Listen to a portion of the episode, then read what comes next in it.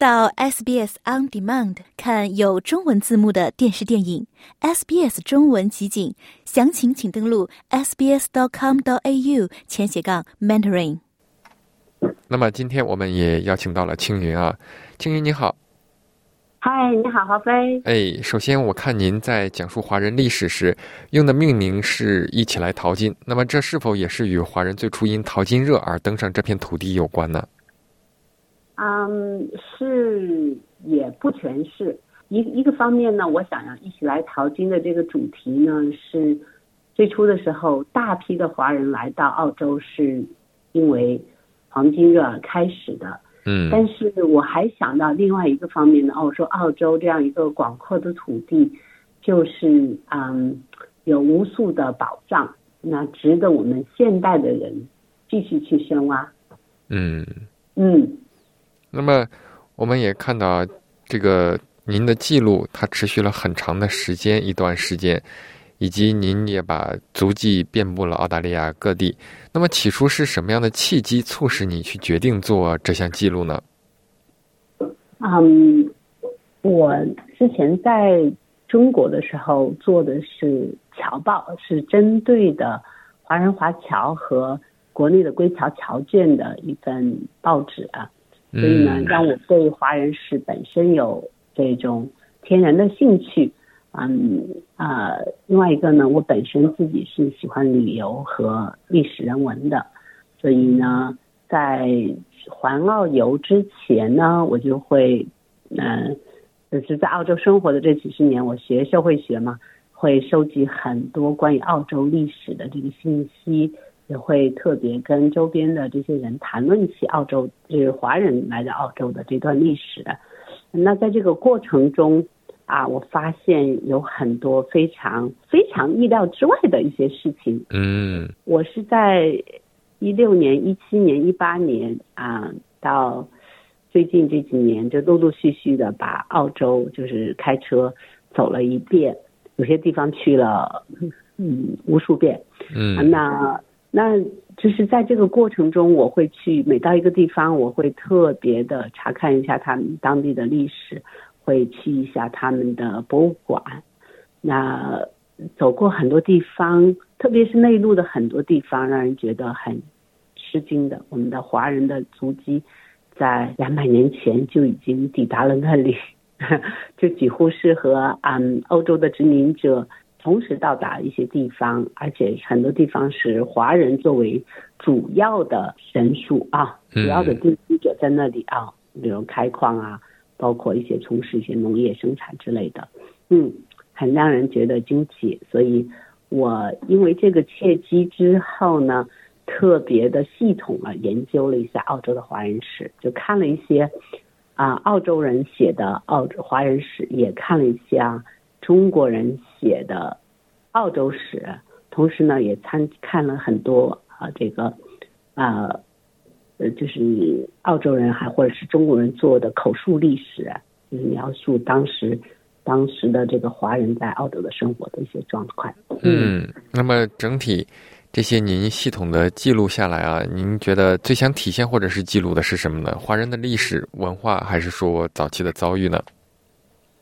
嗯。我觉得就是我们经常说历史使人明智啊，而且呢，我们经常说历史不会重演，但是总是踩着相同的韵脚。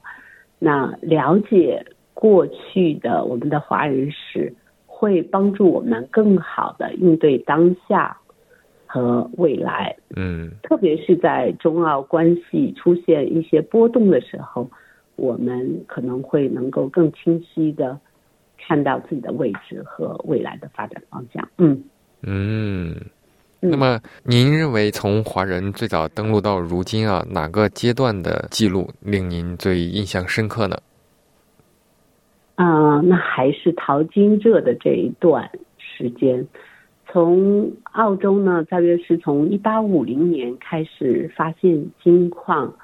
到大的金就是这种淘金热，大约持续到一八八零年左右。嗯，就是在这二三十年的时间里，啊，我们有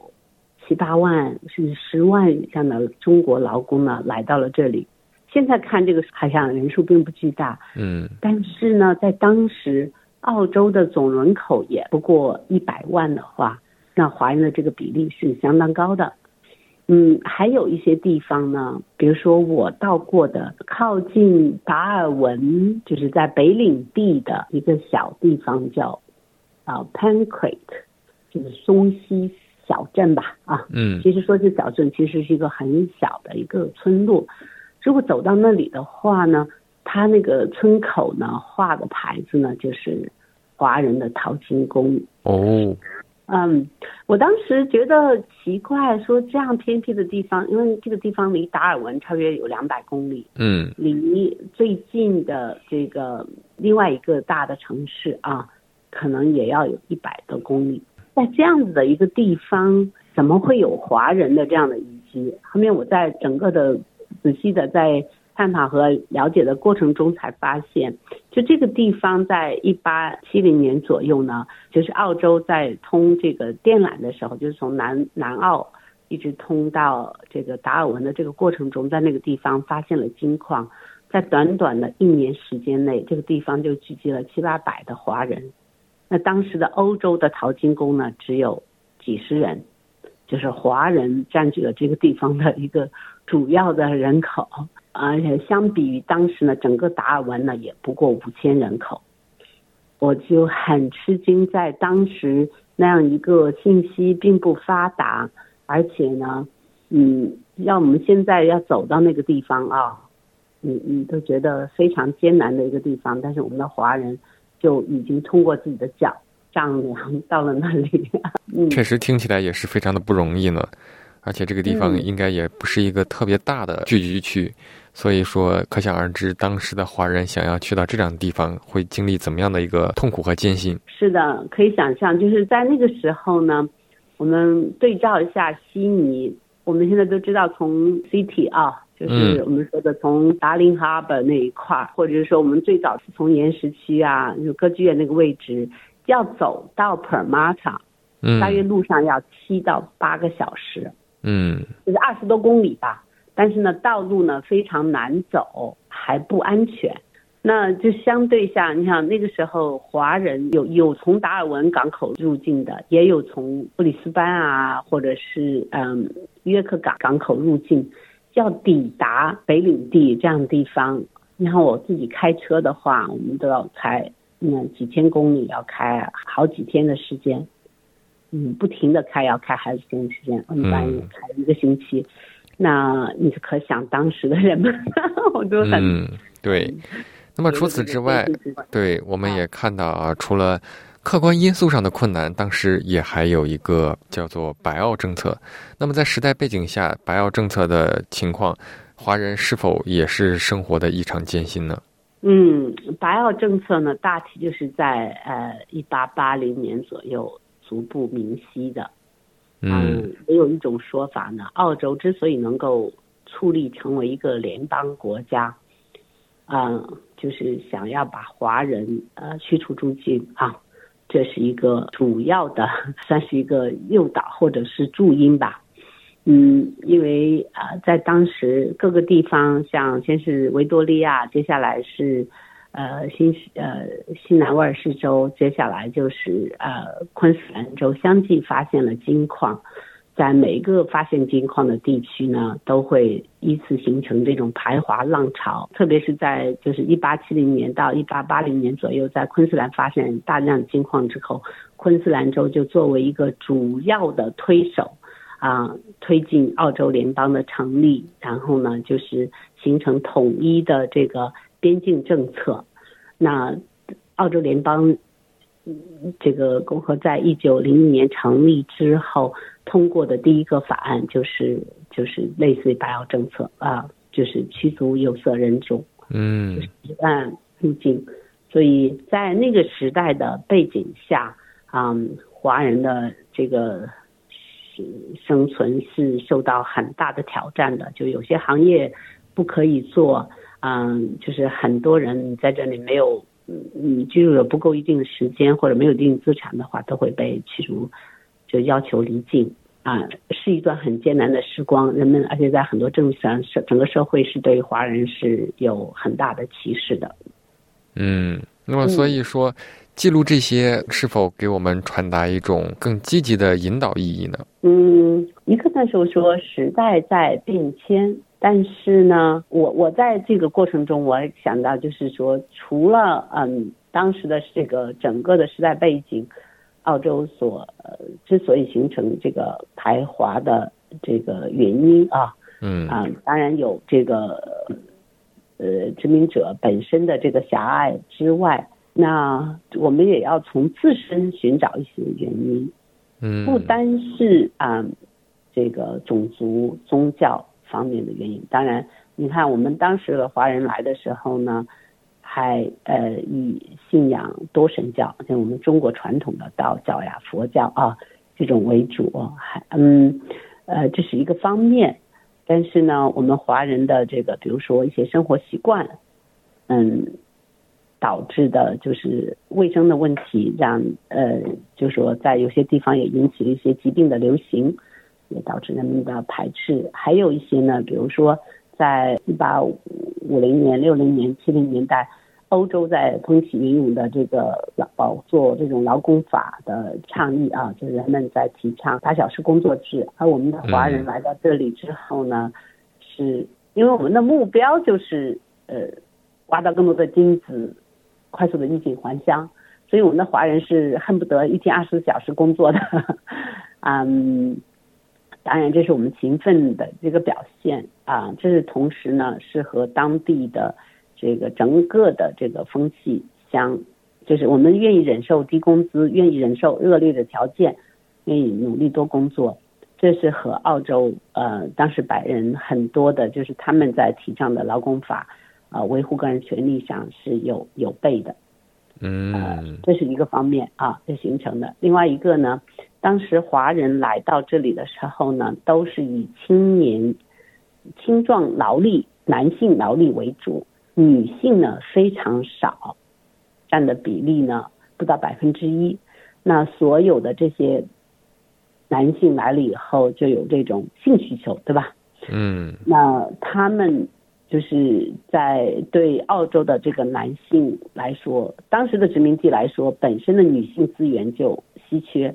那大量的华人男性劳工来到这里的话，对性资源也是一个形成了一种竞争关系吧。嗯那同时呢，那个因为华人没有大量的这种没有没有女性就是相似的这种伴侣到来的话，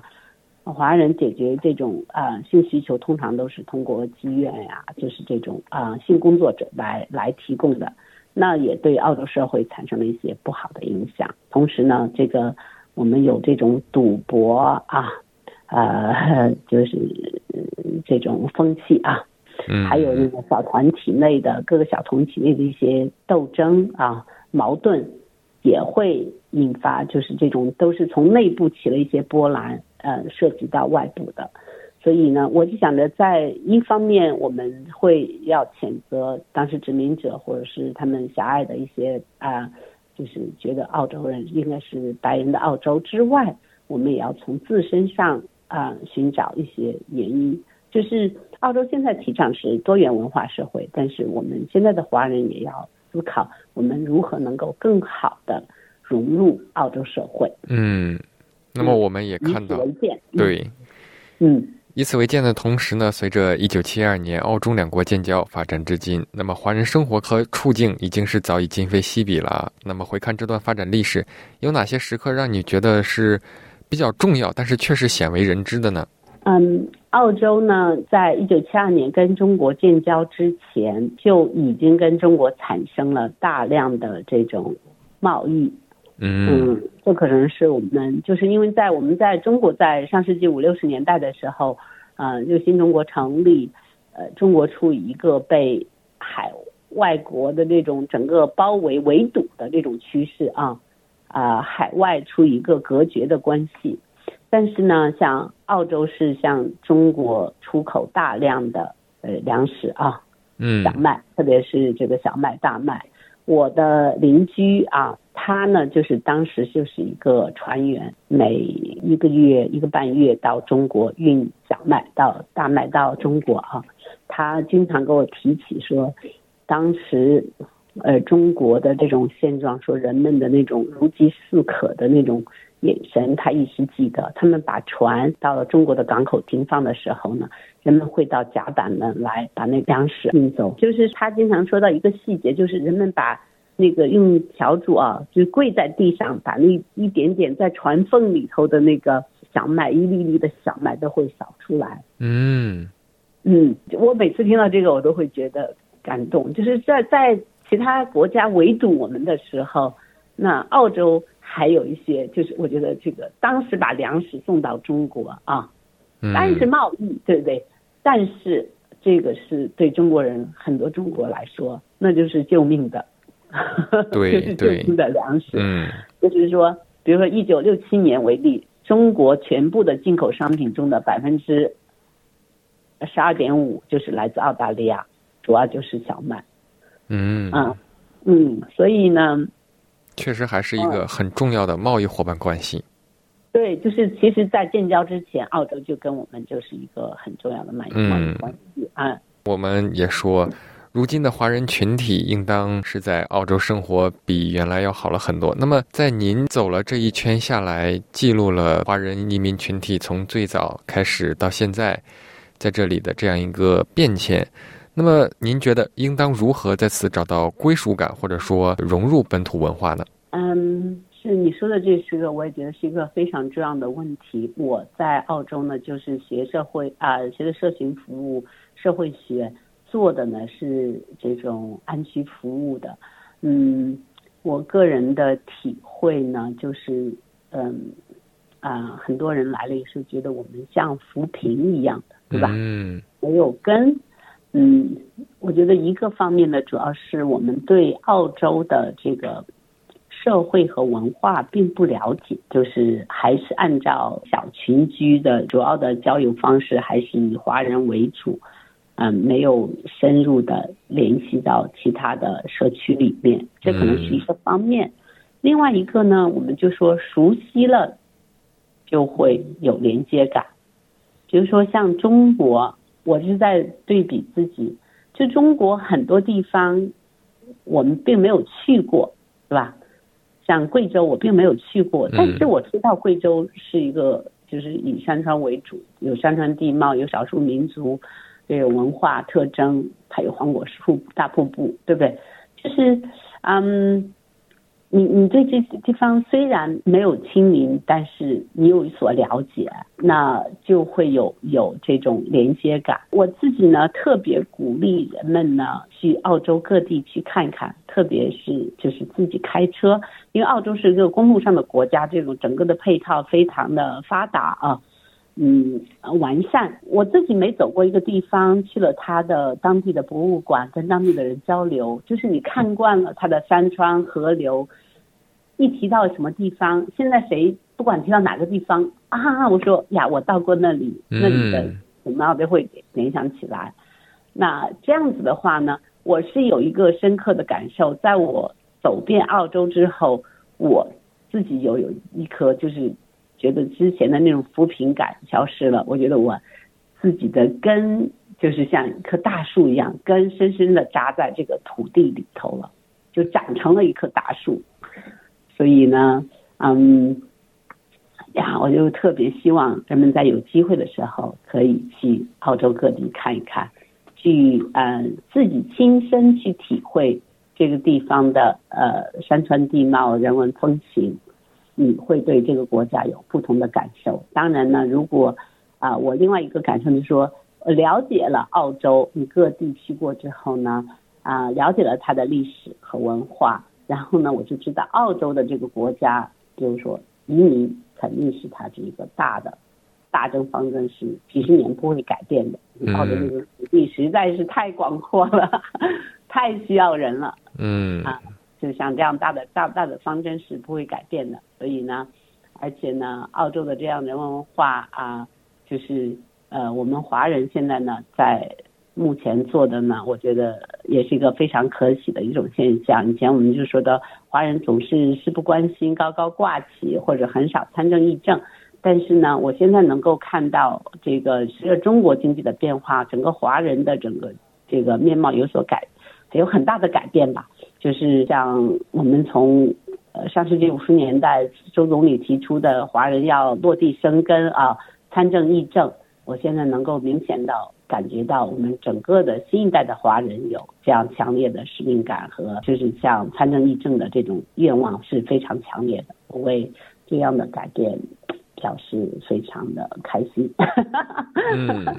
嗯，好的，那谢谢青云为我们的分享，也希望您在以后能更加细节的记录不同的华人历史，能为我们大家带来更多的关于华人移民的历史背景和文化。好的，谢谢你。